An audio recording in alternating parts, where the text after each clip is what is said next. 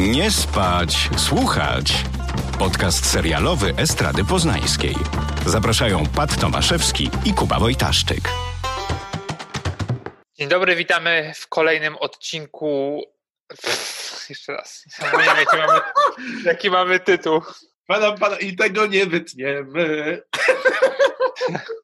Dobra, jeszcze raz. Dzień dobry, witamy w kolejnym odcinku podcastu o serialach Nie spać, słuchać. Kuba Wojtaszczyk. I Pat Tomaszewski, hello, hello, hello. Hello. Powiem ci, Patrycjusz, że gdyby nie te nasze wideoczaty, zapomniałbym jak wyglądasz. Myślcie o mnie jako o ludziach w filmie Wally. Dlaczego? A oni tam nie wyglądali. Tylko ty je. TT.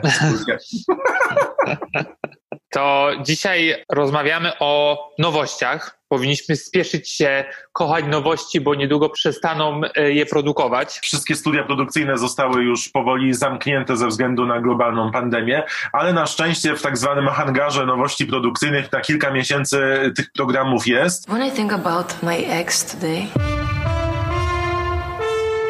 I realize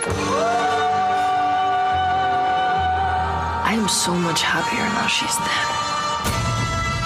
Rozpocznijmy od Killing Eve, czyli trzeciego sezonu już bardzo chyba popularnego amerykańsko-brytyjskiego serialu o pani detektyw, można tak powiedzieć, policjantce. Ona jest właściwie, nie wiem, chyba, nawet chyba nie z CIA. Szpieg MI6. No właśnie, Mhm. czyli Eve, Eve Polastri, którą gra Sandra O i jej love-hate przeciwniczkę Villanelle, którą gra Jodie Comer i to jest kolejna odsłona ich, no nie wiem, przepychanek miłosno-nienawistnych. A jak ładnie to powiedzieć, jak telenowela zabrzmiało. Killing Eve po polsku to Obsesja Eve. Serial wymyśliła Philip e, Waller-Bridge, czyli um, kobieta już legenda, która w głowie ma wspaniałe pomysły i świetnie je realizuje. Ona stworzyła Fleabag, po tym sukcesie Fleabag BBC America postanowiło zaproponować jej serial na podstawie książek Villanelle, gdzie główna bohaterka, tak jak powiedziałeś, weszłaby w relację nietypową z seryjną morderczynią, bo nie dosyć, że ścigałaby ją, to byłaby nią też bardzo zafascynowana. I Phoebe Waller-Bridge, jako że też lubi wspierać inne kobiety, postanowiła, że każdy sezon tego serialu odda w ręce innej scenarzystki, dlatego każdy sezon Killing Eve jest inny fabularnie, ale też scenariuszowo. Tak, drugi sezon e, robi jej przyjaciółka, przyjaciółka Phoebe Waller-Bridge, Emerald Fennell, która jest, no, multidyscyplinarna generalnie. Jest aktorką, grała w The Crown małą rolę, grała w Call the Midwife, to taki brytyjski serial bardzo popularny. Po polsku z pamiętnika położnej. Tam grała Pacni, wiem, bo moja imienniczka i też e, postać absolutnie fantastycznie. A w e, Koronie przecież grała Camille Parker Bowl, to nie taką małą rolę. A, widzisz. No tak, no ale jeszcze też nie rozwiniętą, no ale już o Crown rozmawialiśmy. Jest również reżyserką, zadebiutowała filmem Promising Young Woman e, z aktorką, która się nazywa Kerry Milligan i ten film w tym roku powinien wejść na ekran, ciekawe czy wejdzie. I też właśnie jest, tak jak ustaliliśmy, scenarzystką. Trzeci sezon robi, teraz przepraszam, jeżeli źle przeczytam nazwisko, Suzanne Heathcote, która jest brytyjską dramaturzką i również e, pracowała przy spin-offie The Walking Dead. I wydaje mi się trochę, że jakby wspaniale, że ten serial jest wehikułem dla artystek, aby mogły dać wyraz swojej kreatywności, czy tam swojej wizji, ale ta różnica między każdym sezonem jest bardzo widoczna, a jakby specyfika, którą nadała Phoebe w pierwszej odsłonie, odcisnęła tak silne piętno, że, że to zachwianie jest mega widoczne dla mnie i to działa niestety na niekorzyść kolejnych, kolejnych sezonów. Ja myślę, że to jest kwestia podejścia do, do formatu opowieści, bo rzeczywiście Phoebe ustaliła świat, w którym mamy tą główną agencję zbrodniarzy, to tych dwunastu, którzy organizują zamachy z płatnymi zabójcami w roli głównej. Mamy tą relację, ale też tam Phoebe, jako że ona lubi bardzo humor, czarny humor i absurdalny humor, przecież ta scena, w której Eve Polastri wchodzi do nowej siedziby swojej pracy i otwierając drzwi Opowiada historię o tym, że widziała kiedyś szczura, który pił puszkę coli trzymając ją dwiema łapkami. I once saw a rat drink from a can of Coke there, both hands. Extraordinary. Wspaniała i tego mi też zabrakło w drugim sezonie, ale drugi sezon skupił się zupełnie na czymś innym, bo skupił się tylko i wyłącznie na relacji pomiędzy Eve a Villanelle. Natomiast jak już widzimy w trzecim sezonie, znowu na pierwszy plan będzie wychodziła ta międzynarodowa szajka morderców o nazwie dwunastu, więc to, o czym mówisz, ma absolutnie sens, bo to jest też kwestia tego, jak dana kobieta postrzega tę historię, czy jako główną opowiastkę, czy jako część jakiejś większej, dużej historii. I jakby też przez, w pierwszym sezonie ten pociąg pomiędzy Eve a Villanelle, właściwie pociąg Eve do Villanelle był taki nieoczywisty, bo nie wiedzieliśmy do końca, czy faktycznie Eve podkochuje się w tej morderczyni, czy może pociąga ją jednak przemoc, że jakby to zło jest też w niej.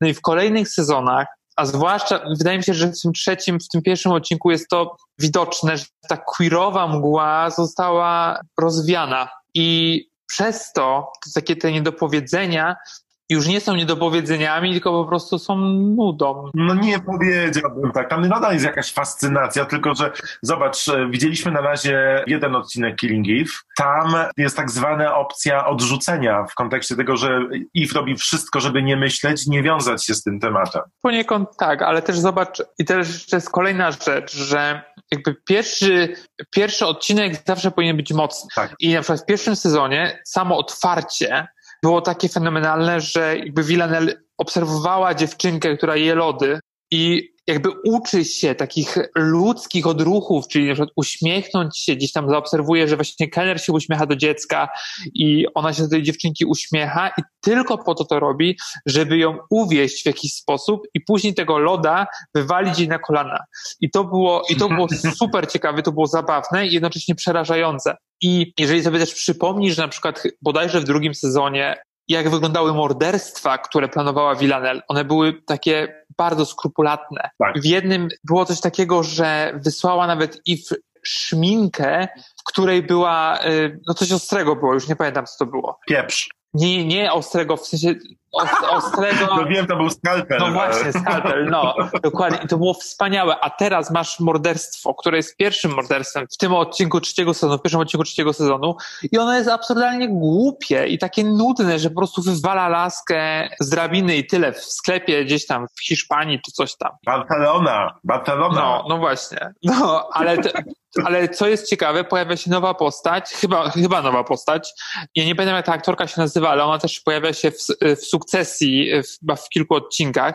To jest brytyjska aktorka, gra w Killing Eve rosyjskiego szpiega i e, osobę, która zwerbowała Villanelle i to jest super. Wydaje mi się, że ta relacja pomiędzy nimi może być ciekawie, ciekawie później zarysowana. Taka rosyjska szewińska. tak, tak, właśnie tak. Ale co najbardziej, to będzie spoiler, co mną najbardziej wstrząsnęło to śmierć Keniego, który został uśmiercony w pierwszym odcinku. Oh my god, they've killed Kenny! You! I widzisz, dla mnie to jest tak, że okej, okay, to, to było mega dziwne i niespodziewane i być może fabularnie kontrowersyjne, ale to jest najprostsza metoda. No, jakby w sensie nawet w, nawet w modzie na sukces, jak zabili Taylor, to się wszyscy zdziwili. Taylor? Oh my god. Boże, nie. Boże, dopomóż nam. Nie, jakby w sensie zabijasz głównego bohatera, to wiadomo, że to będzie szok, nie? Znaczy tak, ale wiesz, no, w związku z tym, że Eve się wycofała z życia szpiegowego całkowicie, szpiegowe życie, to też fajny serial, tu, du, du, du, szpiegowe życie, i pracuje w restauracji na tyłach, to rozumiem zamierzenia scenarzystów, że powrót do tego życia agenturalnego może wywołać śmierć bliskiej jej osoby i motywy tej śmierci. To też daje nowe połacie do pogrania Carolyn, czyli fenomenalnej Fionie Shaw, która gra szefową Eve, bo osoba, która zginęła, to był jej syn, więc jestem bardzo ciekaw, w jaki sposób ta aktorka zacznie grać w nadchodzących odcinkach, bowiem z jednej strony ma taką wielką powłokę nieprzepuszczalności, jest zawsze idealna, doskonała nic jej nie rusza, a mm, czy w jaki sposób da poznać po sobie w ogóle te wszystkie działania związane z e, traumą utraty kogoś?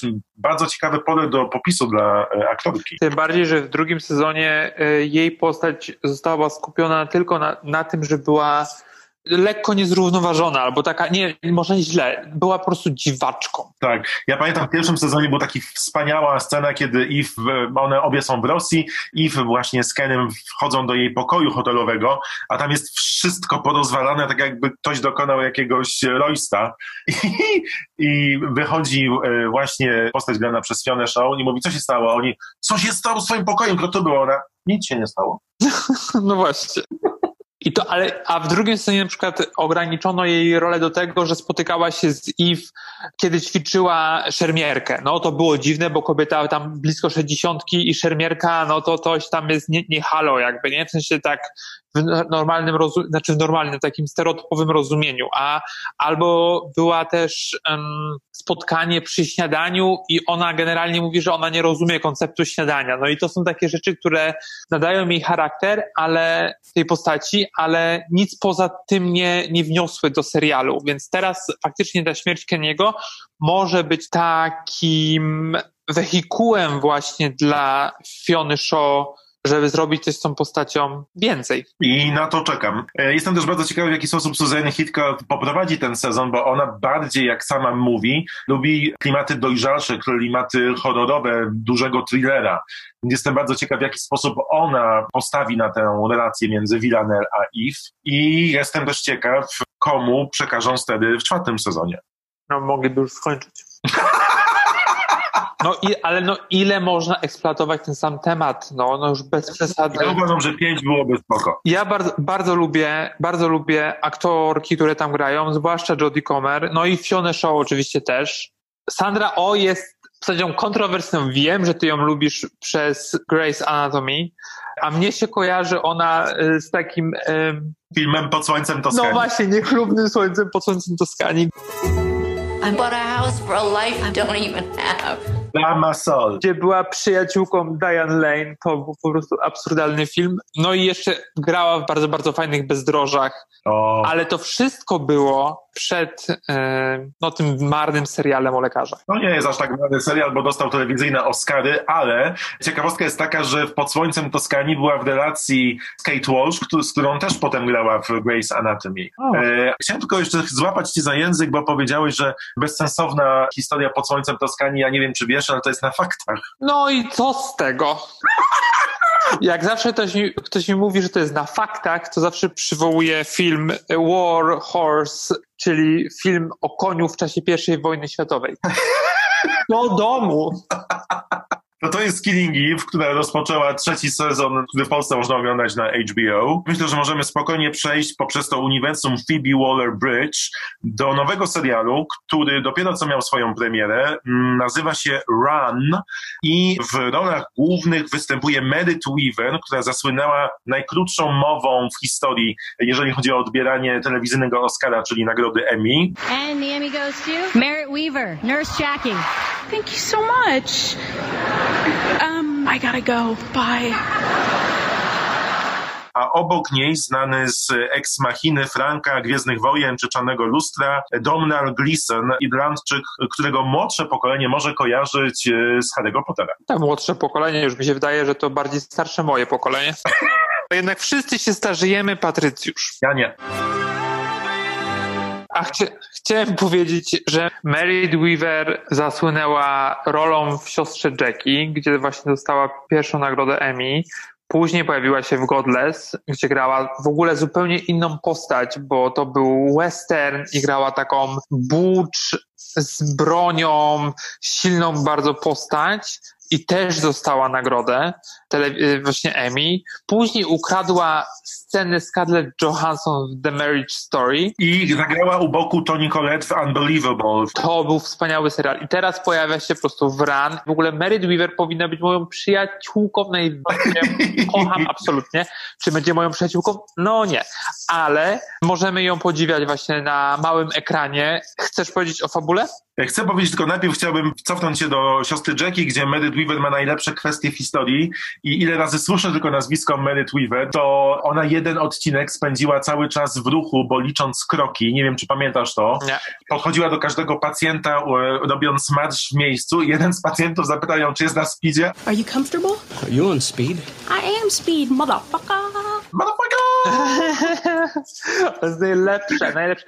W ogóle... Ona jest super, a w tym serialu gra bardzo wieloma emocjami, co jest niezwykle fajne, bo w ogóle ten serial Run, który wymyśliła Phoebe Waller-Bridge wraz ze swoją długoletnią przyjaciółką Vicky Jones, one razem pisały Fleabag, ona była tam redaktorką scenariuszy Vicky Jones, która tutaj wzięła pierwsze skrzypce, wymyśliły serial, w którym e, główni bohaterowie uciekliby od swojego życia na podstawie takiego paktu sprzed lat, że gdyby coś im się kiedyś w życiu nie podobało, to wyślą do siebie SMS-a o treści run, uciekaj i jeżeli druga osoba odpowie, to oni o wyznaczonej godzinie, w wyznaczonym miejscu spotkają się i uciekną i zaczną razem nową przygodę i nowy rozdział życia swojego. Please don't bullshit me that your life is so brilliantly perfect because if it was, you wouldn't have texted run and you wouldn't be sitting on this train. You texted run back. Jak się ogląda pierwszy odcinek, to masz wrażenie, że poza tą ucieczką tytułową, to jest serial o takim ogromnym pożądaniu. Tak, jakby po, porównują generalnie tę relację pomiędzy Ruby i Billem, czyli głównymi bohaterami,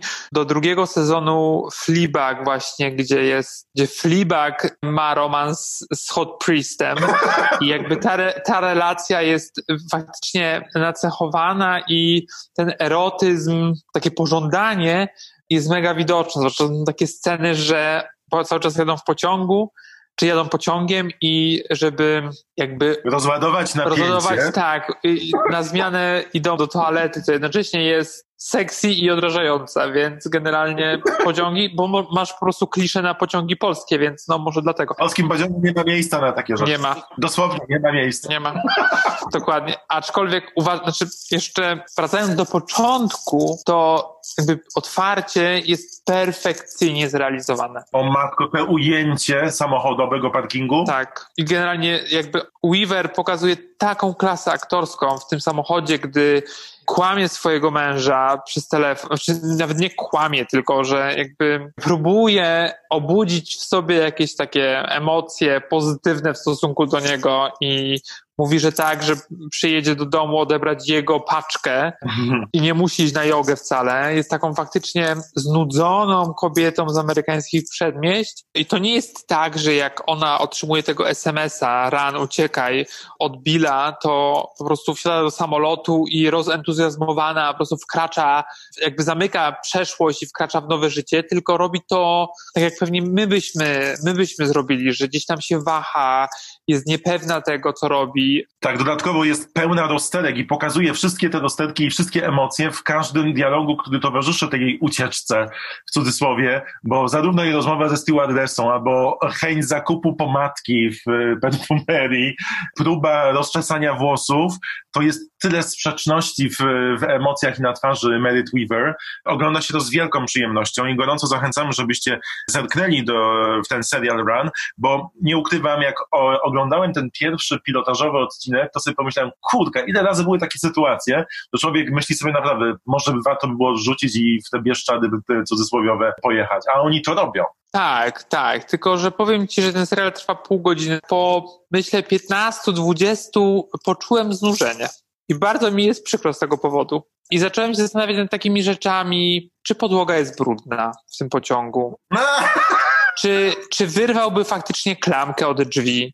Czy jak mhm. dzwoni do niej ten mąż, do głównej bohaterki, to czy faktycznie, akurat to jest na chyba no w jakimś tam miejscowości koło Nowego Jorku, pierwszy, na pierwszym przystanku, czy tam faktycznie nie ma zasięgu, że ona musi gdzieś wybiegać i to jest takie melodramatyczne, że nie wiadomo, czy nawet do tego pociągu wróci i no nie wiem, w sensie oczywiście obejrzę kolejny odcinek dla Weaver i dla samej jakby fabuły, bo to jest dosyć ciekawe i takie jakby przed wschodem słońca w XXI wieku. Potem jak oglądałeś zwiastun, przechodzi trochę to w jakiś kryminał. E, no tak, tak, tam jest, tam jest więcej. Jakby to, to, nawet to reklamują jako thriller, więc to generalnie, no zobaczymy, to jest ciekawe. Ciekawe i jakby tych odcinków pewnie będzie z jakieś 10 czy 8, półgodzinnych, więc jakby można sobie pozwolić jakby no teraz mamy dużo czasu, więc generalnie nie ma co się martwić, ale no jakby pół godziny to nie jest dużo. Jestem bardzo, bardzo ciekawy.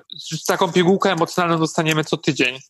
To jest serial Run z Meredith Weaver i Domnalem Gleesonem.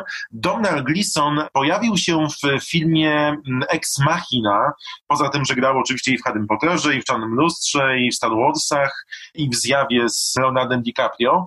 Film Ex Machina ma dużo wspólnego z serialem, który też możemy oglądać i jest nowością, czyli z Devsami. The sense that you were participating in life was only ever an illusion. Life is just something we watch unfold. Devs nakręcił i też pomysłodawcą jest Alex Garland, który właśnie stworzył wspomniane przez ciebie, wspomnianą przez ciebie Anihilację i Ex Machinę. Jestem po całym sezonie tego serialu i... O nie, ja jestem tylko po jednym odcinku. Powiem ci, Pat, że no może nie oglądaj go dalej. Aż tak źle? Nie, to nie właśnie to jest bardzo trudne e, zawrzeć w jednym zdaniu emocje, które towarzyszą, e, towarzyszyły mi, kiedy oglądałem Devsy. Więcej niż jedna emocja? Więcej niż jedno zwierzę to? Więcej niż, może dwie. może nakreślmy fabułę. Po pierwszym odcinku jest pewnie trudna do, do nakreślenia, ale, ale spróbujmy. W każdym razie główną bohaterką jest Lily Chan, którą gra Sonia Mizuno. I ona chce odkryć, czy i dlaczego jej chłopak został zabity po tym, jak dostał awans w technologicznej firmie Amaya, której szefem jest tajemniczy creeperski Forest. creeperski, to jest bardzo ładne określenie. No bo on jest takim creeperem, takim powiedzmy trochę y, Zuckerbergiem, ale w wersji 2.0. I być może dlatego, że gra go wspaniały, najwspanialszy Nick Offerman, czyli Ron Swanson z Parks and Recreation. Mhm. E, I to jest w końcu jego taka mm, pełnowymiarowa rola dramatyczna i wychodzi temu aktorowi to na dobre. I ten technologiczny guru, którego on gra, to jest takie bardzo fajne, przewrotne nawiązanie do tego, co robił Ron Parks and Recreation i co robi Nick w, e, w, prawdziwym życiu, czyli oni po prostu lubią naturę, lubią spędzać czas na świeżym powietrzu. Do tego są nie drwalami, ale tymi osobami, które robią na przykład meble, jak one się nazywają? Rzemieślnicy, stolarze. Stolar, dokładnie to. To jest i Nika, i Rona hobby, więc jakby to, że Offerman gra tak jak powiedzieliśmy, Zuckermana 2.0, ja powiedziałem, to jest bardzo śmieszne. No i oczywiście, wracając do serialu, on ma swoją firmę, ten, ten Forest, i co oni tam próbują w tej filmie zrobić, to jest spojrzeć w przyszłość i w przeszłość za pomocą kodu i móc przewidzieć, czy nawet, nawet nie przewidzieć, tylko obejrzeć to, co wydarzy się wydarzyło się i to się wydarzy w każdym na każdym etapie historii świata. A, to już teraz to jest jasne, bo w pierwszym odcinku rzeczywiście była próba przewidzenia prostej bakterii e, jednokomórkowego organizmu i jego zachowania. To dużo teraz wyjaśnia, to prawda. Mi się tylko podoba ta nazwa Amaya. Myślisz, że siostra tej filmy to byłaby Begucio? Jest, to było bardzo słucharskie, pat. Co? Dobre. No, no właśnie. Amaya dlatego, ponieważ córka Foresta miała tak na imię i córka Foresta zginęła w wypadku razem z, z matką. I ta córka miała tam, nie wiem, powiedzmy 4 lata czy coś tam, czy 5, a może 8. No ale w każdym razie, e, nie, nie znam się na wieku dzieci. W każdym razie... Spoiler. Główną motywacją Foresta do tego, żeby stworzyć ten kod i zatrudnić ludzi, którzy pracują dla niego, jest właśnie to, żeby móc wskrzesić tą córkę. No po prostu dla mnie to jest absolutnie przewidywalne i okej, okay, może nie absurdalne, ale po Gerlandzie spodziewałbym się czegoś więcej. Dla mnie osobiście główną motywacją, w sensie wystarczającą motywacją byłoby obejrzenie tych dinozaurów, które wyginęły miliony lat temu. To ja bym chciał bardzo. Ostatni dinozaur. No właśnie, a on, on jednak nie, musi być egoistyczne, ta motywacja. Przepraszam, że tak przerwę, to dlatego właśnie jak e, bohaterowie wjeżdżają do tego kampusu, tam z nad drzew wystaje ta bardzo dziwna figurka dziecka? Tak, to jest właśnie jego córka creeperska na maksa. Po prostu absurd. I jakby do tego, znaczy absurd, no jakby to generalnie jest jak, jakaś to motywacja, tylko to jest takie bardzo ograne. I Garland w swoim po prostu uniwersum myśli, że on tworzy jakieś, nie wiem, coś pewnie przewrotnego, coś, coś meta na temat, na ten temat, a tak nie jest. To jest po prostu typowo egoistyczne podejście rodzica, który chce skreślić swoją, e, swoje dziecko i wykorzystuje do tego innych ludzi i ich wiedzę na ten temat. I właśnie wspomnianej e, Lili Chan chłopak dostaje tam pracę. No i okazuje się, że on jest y, rosyjskim szpiegiem i chce wykraść wszystko, i chce wykraść, wykraść wszystko to, co właśnie stworzył Forrest i jego pracownicy. No i po prostu to jest tak strasznie... To jak James Bond. No, trochę tak, zwłaszcza, że, zwłaszcza, że ma y, w zegarku aparat, więc y, James Bond, James Bond, James Bond za czasów... Pierce'a Brosnana. No właśnie. Nawet jeszcze wcześniej chyba. Ja zobaczyłem tylko jeden odcinek. Rzeczywiście bardzo mocno zwróciłem uwagę na tą Sonię Mizuno, która na początku nie gra pierwszych skrzypiec, ale też nie gra za dobrze emocjonalnie, bo właściwie jedyną emocję, jaką pokazuje, to pokazuje pod koniec odcinka, a tak nawet jak pokazuje sceny uczucia do swojego chłopaka, to patrzysz i tam nic się na tej twarzy nie rusza. Jest jak Nicole Kidman po pierwszym botoksie. Wszyscy bohaterowie w tym serialu są lekko przetrąceni. Jakby byli troszeczkę spowolnieni, o może to jest dobre określenie, z tym, że Offerman i towarzysząca mu Alison Peel, taka aktorka, która jest troszeczkę zapomniana, a jest, a jest bardzo dobra, pokazują faktyczną klasę. I nawet w tym takim zatrzymaniu postaci, takiej lekkiej pauzie, potrafią pokazać dużo więcej na pewno niż Mizuno. I jest jeszcze, jest taki jeden z najsłabszych odcinków tego serialu, jest taka scena, kiedy właśnie Alison Peel rozmawia z Sonią Mizuno w kuchni i później zdaje relację Forestowi i opowiada o tym, jaka to właśnie ta Lily Chan jest silna, odważna, jaką ma wiedzę. Jakby w ogóle to nie wynikało z tej rozmowy. Wynikało z tej rozmowy to, że Lily Chan jest, nie ogarnia bardzo nie ogarnia. Obserwując twoje emocje po tym serialu, myślę, że warto go zobaczyć.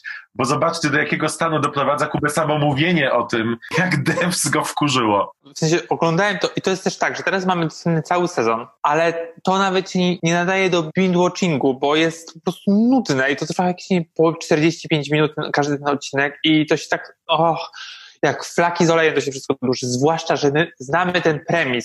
Lily Chan próbuje odkryć, co się stało z tym chłopakiem, przynajmniej przez połowę sezonu, a my to wiemy w pierwszym odcinku, czy tam w drugim odcinku.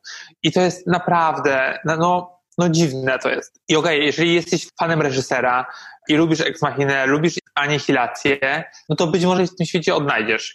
Ale to nie jest taki serial... Ja, ma, ja mam trochę tak, że że bardzo lubię raz w tygodniu obejrzeć coś, co będzie patetyczne. Będzie wzniosłe i odnajdywałem to, odnajdywałem to trochę w Grze o Tron, odnajduję to teraz w Westworld, co jest po prostu na sztandary powinno. Westworld myślnik patetyzm. I jakby devsy są tak przypełnione taką właśnie wzniosłością filozoficzno-psychologiczną, że to jest tłumacz dla mnie.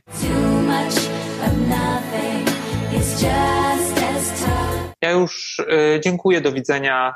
Pomimo, że Offermana bardzo, bardzo cenię, to może, może inny serial? może tak. Mnie pierwszy odcinek się podobał bardzo i chciałem się zagłębić w ten świat, no ale teraz z rezerwą podejdę do kolejnych. Obok Nika Offermana w serialu Devs, szefa ochrony, no i trochę bad guy'a, gra Zach Grenier, którego większość polskich widzów może kojarzyć z serialu The Good Wife, Żona Idealna, albo ze spin-offa tego serialu, który premierę miał nowego sezonu w zeszłym tygodniu, czyli z Good Fight, Sprawy Idealnej, o której teraz chciałem e, opowiedzieć. To jest super serial. To jest tak wspaniałe podejście do komentarza politycznego, rasowego, do komentarza obyczajowego tego, co dzieje się obecnie w Stanach Zjednoczonych przez pryzmat prawników. So, what do you want to do now, Diane? Get back to work. What work? Who would say that was unacceptable? I didn't know there was worse than uncomfortable. Can I change my vote? Drugiego takiego serialu nie ma. Nie wiem, czy miałeś okazję zobaczyć już premierę czwartego sezonu. Widziałem półtorej sezonu pierwszego i chyba trochę drugiego i generalnie doceniam, ale może nie jest to dla mnie. Wiem, że to nie jest może popularna opinia, przynajmniej u ciebie, ale ja nie przypadam za takimi serialami, w którym często na przykład w jednym odcinku masz całą sprawę. Tak jak było kiedyś w Ali McBeal. E, I tu trochę dla mnie tak jest. Poza tym mam wrażenie, że bohaterowie cały czas siedzą w salonie meblowym typu IKEA, albo trochę takim, no dobra, bogatszym. Że tam wszystko jest nowe, niedotknięte po prostu przez człowieka i oni tylko się poruszają, żeby tylko nie zniszczyć, bo dostali, nie mały budżet, co jest nieprawdą. Oni ciężko pracują na to, zarabiają dużo, siedzą po godzinach na wakandach sądowych i mogą sobie kupić drogie rzeczy. Już nie czepiaj się mebli, naprawdę. No nie. Jakby to nie o to chodzi, że są drogie, tylko chodzi o to, że one są nieużywane. Tak samo jak ich ciuchy. Po prostu sztywne. Nie, naprawdę. Pamiętasz serial Niania, gdzie matka niani miała pokryte folią wszystkie meble? To jest na takiej zasadzie, oni na bank, jak tylko jest cięcie, to obkładają wszystko, wszystko foliówkami, żeby czasami się nie, nie pobrudziło. Odchodząc od kostiumów, które się Kubie nie podobają, a ja uważam, że są bardzo fajne e, i oddają klimat towarzystwa, o którym opowiada serial Good Fight, przejdziemy do twórców, ponieważ to jest bardzo ciekawa rzecz. To jest ewenement w kontekście telewizyjnym, ponieważ producentem serialu telewizyjnego o mm, zacięciu prawniczym jest Ridley Scott. On jeszcze, kiedy jego brat żył, razem bardzo mocno inwestowali w serial Żona Idealna, czyli Good Wife z Julianą Margiles, który miał siedem sezonów i do dzisiaj uważam, że jest jednym z lepszych seriali nakręconych w ostatnich latach. Następnie, kiedy stacja CBS zakończyła produkcję Good Wife, twórcy, czyli Michelle i Robert King, postanowili mm, rozkręcić wątek jednej z bohaterek granej przez Christine Barański, Diane Lockhart, i dać jej osobny serial. Nie trzeba oglądać Żony Idealnej, by mm, oglądać Sprawę Idealną. Sprawa Idealna mm, jest o tyle ciekawsza, że kręcona jest dla platformy streamingowej CBS All Access, co oznacza, że nie ma ograniczeń telewizyjnych, czyli mogą przeklinać, mogą pokazać więcej nagości, mogą pokazać więcej przemocy, co czasem jako smaczki robią. Oglądanie jak Diane Lockhart przeklina, oglądając na przykład to, co robi Trump, bo serial bardzo mocno komentuje wydarzenia polityczne, jest wspaniałe. I never used to swear. So when I do that, it has added meaning. And this is mother Dodatkowo bardzo rozbudowane są postaci drugoplanowe, które nie są jednowymiarowe i to jest do oglądania niesamowicie przyjemne. To jest jak jedzenie dobrego deseru, bowiem kiedy na ekranie pojawia się Carrie Preston, znana też innymi z serialu Pazury, no to jest majstersztyk aktorski w każdym geście i w każdym spojrzeniu. Good Fight w czwartym sezonie, który już jest dostępny w polskiej telewizji poprzez HBO Go, robi też coś ciekawego, ponieważ odwraca nam rzeczywistość, buduje alternatywną rzeczywistość. Główna bohaterka budzi się w świecie, w którym prezydentem jest Hillary Clinton, Donald Trump jest pośmiewiskiem, a w składzie Sądu Najwyższego jest m.in. Elizabeth Warren. I można by się spodziewać, że ten świat kobiecy będzie pokazany na takim wielkim patosie, ile to dobrego można uczynić, a tu okazuje się, że twórcy bardzo przewrotnie pokazali, co by się stało, gdyby kobiety doszły do władzy w Stanach Zjednoczonych w obecnej sytuacji politycznej i jaki wpływ miałoby to na wszystkie ruchy Time's Up, MeToo, na wszystkie rzeczy związane z polityką imigracyjną i socjalną w Stanach, które obecnie się dzieje.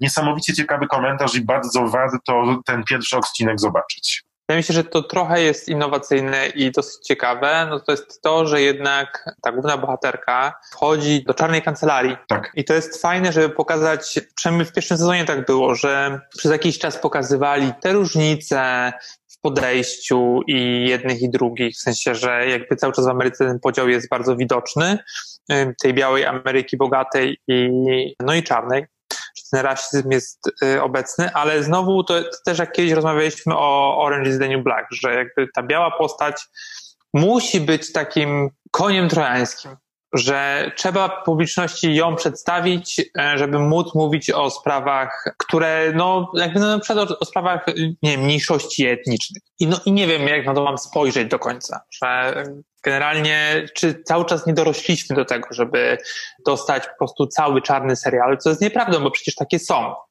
ale ten jest faktycznie bardzo, bardzo popularny. Co więcej, e, głównymi bohaterami w tym Good Fight, poza właśnie Christine Barański, są osoby czarnoskóre, bo masz Cash Jumbo, która jest wspaniała. Jest legendarna aktorka broadwayowa, Audra McDonald, cała część kancelarii poza właśnie Diane Lockhart to jest właśnie kwestia pokazania czarnej Ameryki w różnych, z różnych e, perspektyw, bowiem tam są też zwolennicy Trumpa, tam są też kwestie społeczne bardzo mocno pokazane i oni w każdym odcinku w jakiś sposób komentują tę sytuację, ale masz rację, robią to przez pryzmat tego konia trojańskiego, którym jest Diane Lockhart, bo inaczej byśmy nigdy do tej kancelarii nie weszli. No właśnie, bo czy faktycznie widownia chciałaby to oglądać? I to dla mnie jest um, największy sens tego serialu, że jednak pokazuje, że cały czas nie jesteśmy do końca czy my, mówię my, no ale jakby generalnie biali, nie? że nie są, nie są do końca tolerancyjni, bo może by nie oglądali na przykład. Ale to też jest tak, że być może stacje telewizyjne ciągle boją się podjąć to ryzyko, bo przecież mamy wiele seriali, które są ultra popularne, jak nie wiem, Empire na przykład. Oczywiście jest to trochę takie soapy, ale... Trochę? No to później pewnie się zmienia, nie? Ja, ja tego widziałem tylko troszeczkę, więc też nie chcę się na ten temat wypowiadać, ale tak trochę jest, nie? Ale z drugiej strony jeszcze a propos na przykład, na przykład mamy, mamy te devsy, no to Mizuno jest przecież z pochodzenia Azjatką, więc jakby generalnie to nie jest tak, że, że to się nie zmienia, że główne postaci muszą być zawsze białe. Kolejny serial, rzadko mówimy o komediach, a myślę, że czasem warto. Serial w oryginale nazywa się Breeders, co oznacza hodowcy, ale polscy twórcy postanowili nazwać go Rodzice. Tak, bo przecież dlaczego nie? I don't want the kids to turn out. Are you? Fuck off. No, like my dad. It'd be fantastic if they turned out like me. I'm great. Yes, obviously. Fucking hell. So happy together. Serial tworzy ekipa od serialu VIP, czyli ludzie, którzy bardzo trafnie, satyrycznie opisują rzeczywistość polityczną. E, jednym z producentów po raz pierwszy i twórców jest również Martin Freeman, Watson z Sherlocka, albo przede wszystkim e, Bilbo Baggins. Hobbit to obejrzę. I Breeders e, opowiada bez woalki historię rodziców, którzy starają się w pewien sposób pogodzić swoje życie z posiadaniem dzieciaków. Rzadko kiedy w telewizji pojawia się serial, który bardzo tak trafnie i prawdziwie opisuje to, co się dzieje, kiedy w życiu pojawiają się dzieciaki. Mam koleżankę, która powiedziała, że ja wiem, że niektórzy mogą uznać, że ten serial jest przesadzony, bo jest za dużo gagów na minutę, ale u mnie tak jest. Ja myślę, że nie musimy oglądać tego serialu, żeby wiedzieć, że tak jest. Ja nie mam dzieci i e, nie chciałbym je e, mieć z wielu przyczyn. I nie muszę oglądać tego serialu, żeby się o tym dowiedzieć, dlaczego nie chcę mieć dzieci. I generalnie wiem, że tobie się pewnie bardziej podoba niż mnie, bo dla mnie jest zbyt właśnie oczywisty, że po pierwsze e, producenci, scenarzyści chcą e, pobić rekord w ilości żartów na minutę serialu, co dla mnie jest bardzo męczące, ponieważ tak ludzie się do siebie nie odnoszą raczej. W sensie nie żartujemy non-stop. Chyba u ciebie, chyba ty. No nie wiem. I swoją drogą, a propos przeklinania do dzieci, no to jest dla mnie bardzo przesadzone. W sensie, że po pierwsze, jak oni kręcili ten serial, żeby te dzieci, nie wiem, ci mali aktorzy słyszeli te przekleństwa. Dla mnie po prostu myślałem przez 20 minut serialu o tym, czy te dzieciaki po prostu nie wychodzą straumatyzowane z planu. Jak to wygląda? Uwierz mi, Kuba, że w domu mają to samo. Mommy! fucking Christ! How many times do I have to tell you to be quiet? Sorry. No, jak są takie, na pewno. Formuła tego serialu jest dla mnie bardzo taka oczywista, taka współczesna, że wiemy, że z jednej strony kochamy te dzieci, a z drugiej strony chcemy ich śmierci. Przez to, że po prostu te emocje są tak skrajne. I to dla mnie nie jest niczym e, odkrywczym co dla mnie jest nie za bardzo eksploatowane, a co jest najciekawsze, to właśnie relacja pomiędzy główną parą, czyli y, Freemanem, o którym wspomniałeś, i Daisy Haggard, która gra Ali, jego żonę, jest relacja z innymi rodzicami, ale też relacja z ich rodzicami i relacja, jaką mają generalnie ze światem. I jak już dzieci usną, chociaż to się rzadko zdarza, ich rozmowy, ich jakieś takie przemyślenia na temat świata są dla mnie najbardziej interesujące. To prawda, oni też mają taką fajną sztamę, że e, szczególnie jak kontaktują się z innymi rodzicami, w drugim odcinku to jest bardzo fajnie pokazane, że e, już od, od samego spojrzenia i przewracania oczami wiemy o co chodzi, a potem jeszcze wspaniale komentują, że my jesteśmy lepsi, prawda? Tak.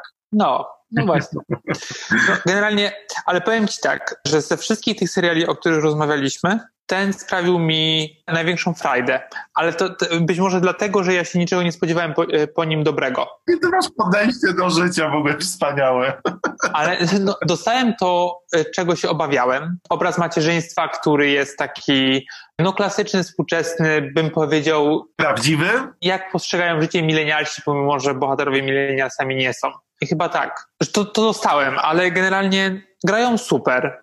I płynie się przez ten serial mimo wszystko. Jest, jakby utwierdzam się, że dzieci i ja to, to nie istnieje. Nie, nie, jakby Wiem, że nigdy to nie nastąpi i ten serial nie to, że mnie jakoś upewnił w tej, w tej decyzji, ale pokazał, że mam rację.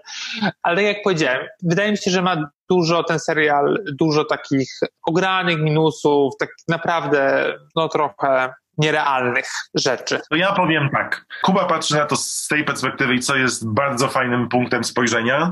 Powiem wam, jeżeli macie dzieciaki, jesteście ojcami chrzestnymi, matkami chrzestnymi, to to jest serial, który przyniesie wam w tym trudnym czasie teraz, kiedy spędzamy ze sobą 24 godziny na dobę, wspaniały oddech i dużą dawkę humoru i zbudowania dystansu, bo nie jesteście w tym wszystkim sami.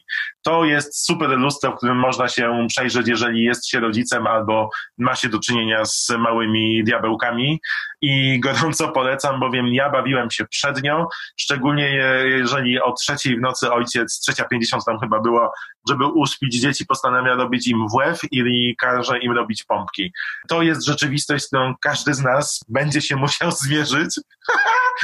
Nie wiem, po co mają ludzie oglądać ten serial, skoro mają to w domu. Właśnie, żeby zobaczyć, że nie są w tym wszystkim sami. Breeders, czyli rodzice na HBO, ja polecam, Kuba umiarkowania. Tak. No i teraz przechodzimy do jednej z moich ulubionych części naszego programu, czyli do sekcji co oglądamy, co wam polecamy. Kubo. Polecamy.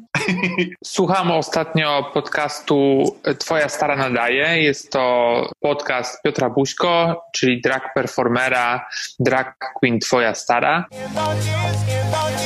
Don't fuck it up. I've had it officially. Boom dzieciaczki. Choices. There's something on my face. Twoja stara nadaje. Co ciekawe też pod względem naszego, naszego podcastu, to to, że Piotr robi recapy RuPaul Drag Race i zaprasza różnych gości, różne gościnie i można dowiedzieć się czegoś o popkulturze, ale też o właśnie środowisku drag w Polsce i na świecie. I nagle ja się łapię za głowę, bo on wyciąga coś, o czym ja nie miałem pojęcia, że w ogóle zabrałem i że to jest w tej torbie. A tam był twój talent. To jest podcast, który nazywa się Twoja stara nadaje. Bardzo dziękuję. Ja chciałbym e, polecić Wam serial dokumentalny, kryminalny, który ma pewien polski zalążek. Jest na Netflixie dostępny, ma kilka odcinków. Pochodzi co prawda z 2017 roku, ale wyczytałem ostatnio, że najbardziej oglądane w czasie pandemii są programy na kanwach prawdziwych historii, tak zwane śledztwa telewizyjne. Pierwszym jest Making the Murderer, ale trochę taką zapomnianą perełką jest The Keepers. Baltimore has always been a quintessentially Catholic city. The city has its level of corruption. To jest historia, serial dokumentalny, który opisuje sprawę morderstwa mm, zakonnicy o polskim nazwisku, Cześnik. Oglądałem to. Katrin Cześnik, tak. Ukazuje też y, taką ogromną zmowę milczenia z Baltimore w latach 70 fascynujący sposób pokazując to, jak służby mundurowe oraz y, zakon do dzisiaj nie chcą e, dopuścić do tego, żeby w jakiś sposób rzucić światło na te tajemnice morderstwa, pokazuje dążenie takich dwóch osób, dwóch kobiet już dosyć w podeszłym wieku, które zrobią wszystko, żeby dotrzeć do sedna tej sprawy. Bardzo wciągający, bardzo momentami trudny do oglądania, ale e, niesamowicie fascynujący pokaz chęci odkrycia prawdy. The Keeper. Warto dodać, że to jest serial e, jeszcze z tej grupy produkcji Netflixa, gdzie nie bazowano na taniej sensacji, tak. tylko na scenariuszu i faktycznie fascynującej historii. I to nie jest Tiger King, tylko faktycznie naprawdę wciągająca i inteligentna przede wszystkim historia. Siedem odcinków i poza sprawą morderstwa, bo zaczyna się od morderstwa, ale wchodzi w dużo, dużo większe tematy, także zmienia się niesamowicie. Niby jedna sprawa, a potem dochodzi do tego, że opowiada o czymś zupełnie szerszym i większym. Dlatego gorąco polecam, jeżeli ktoś jeszcze nie zobaczył, The Keepers. The story is not the nun's killing. story is the cover-up of the nun story. Bardzo serdecznie dziękujemy za to, że wytrwaliście z nami kolejny tydzień. Kuba Wojtaszczyk. Pat Tomaszewski, dzięki. Do usłyszenia. Nie spać, słuchać. Producentem podcastu jest Estrada Poznańska. Wszystkie odcinki znajdziesz na estrada.poznan.pl. Pociąg pomiędzy Yves a Villanelle, a właściwie pociąg Yves do Villanelle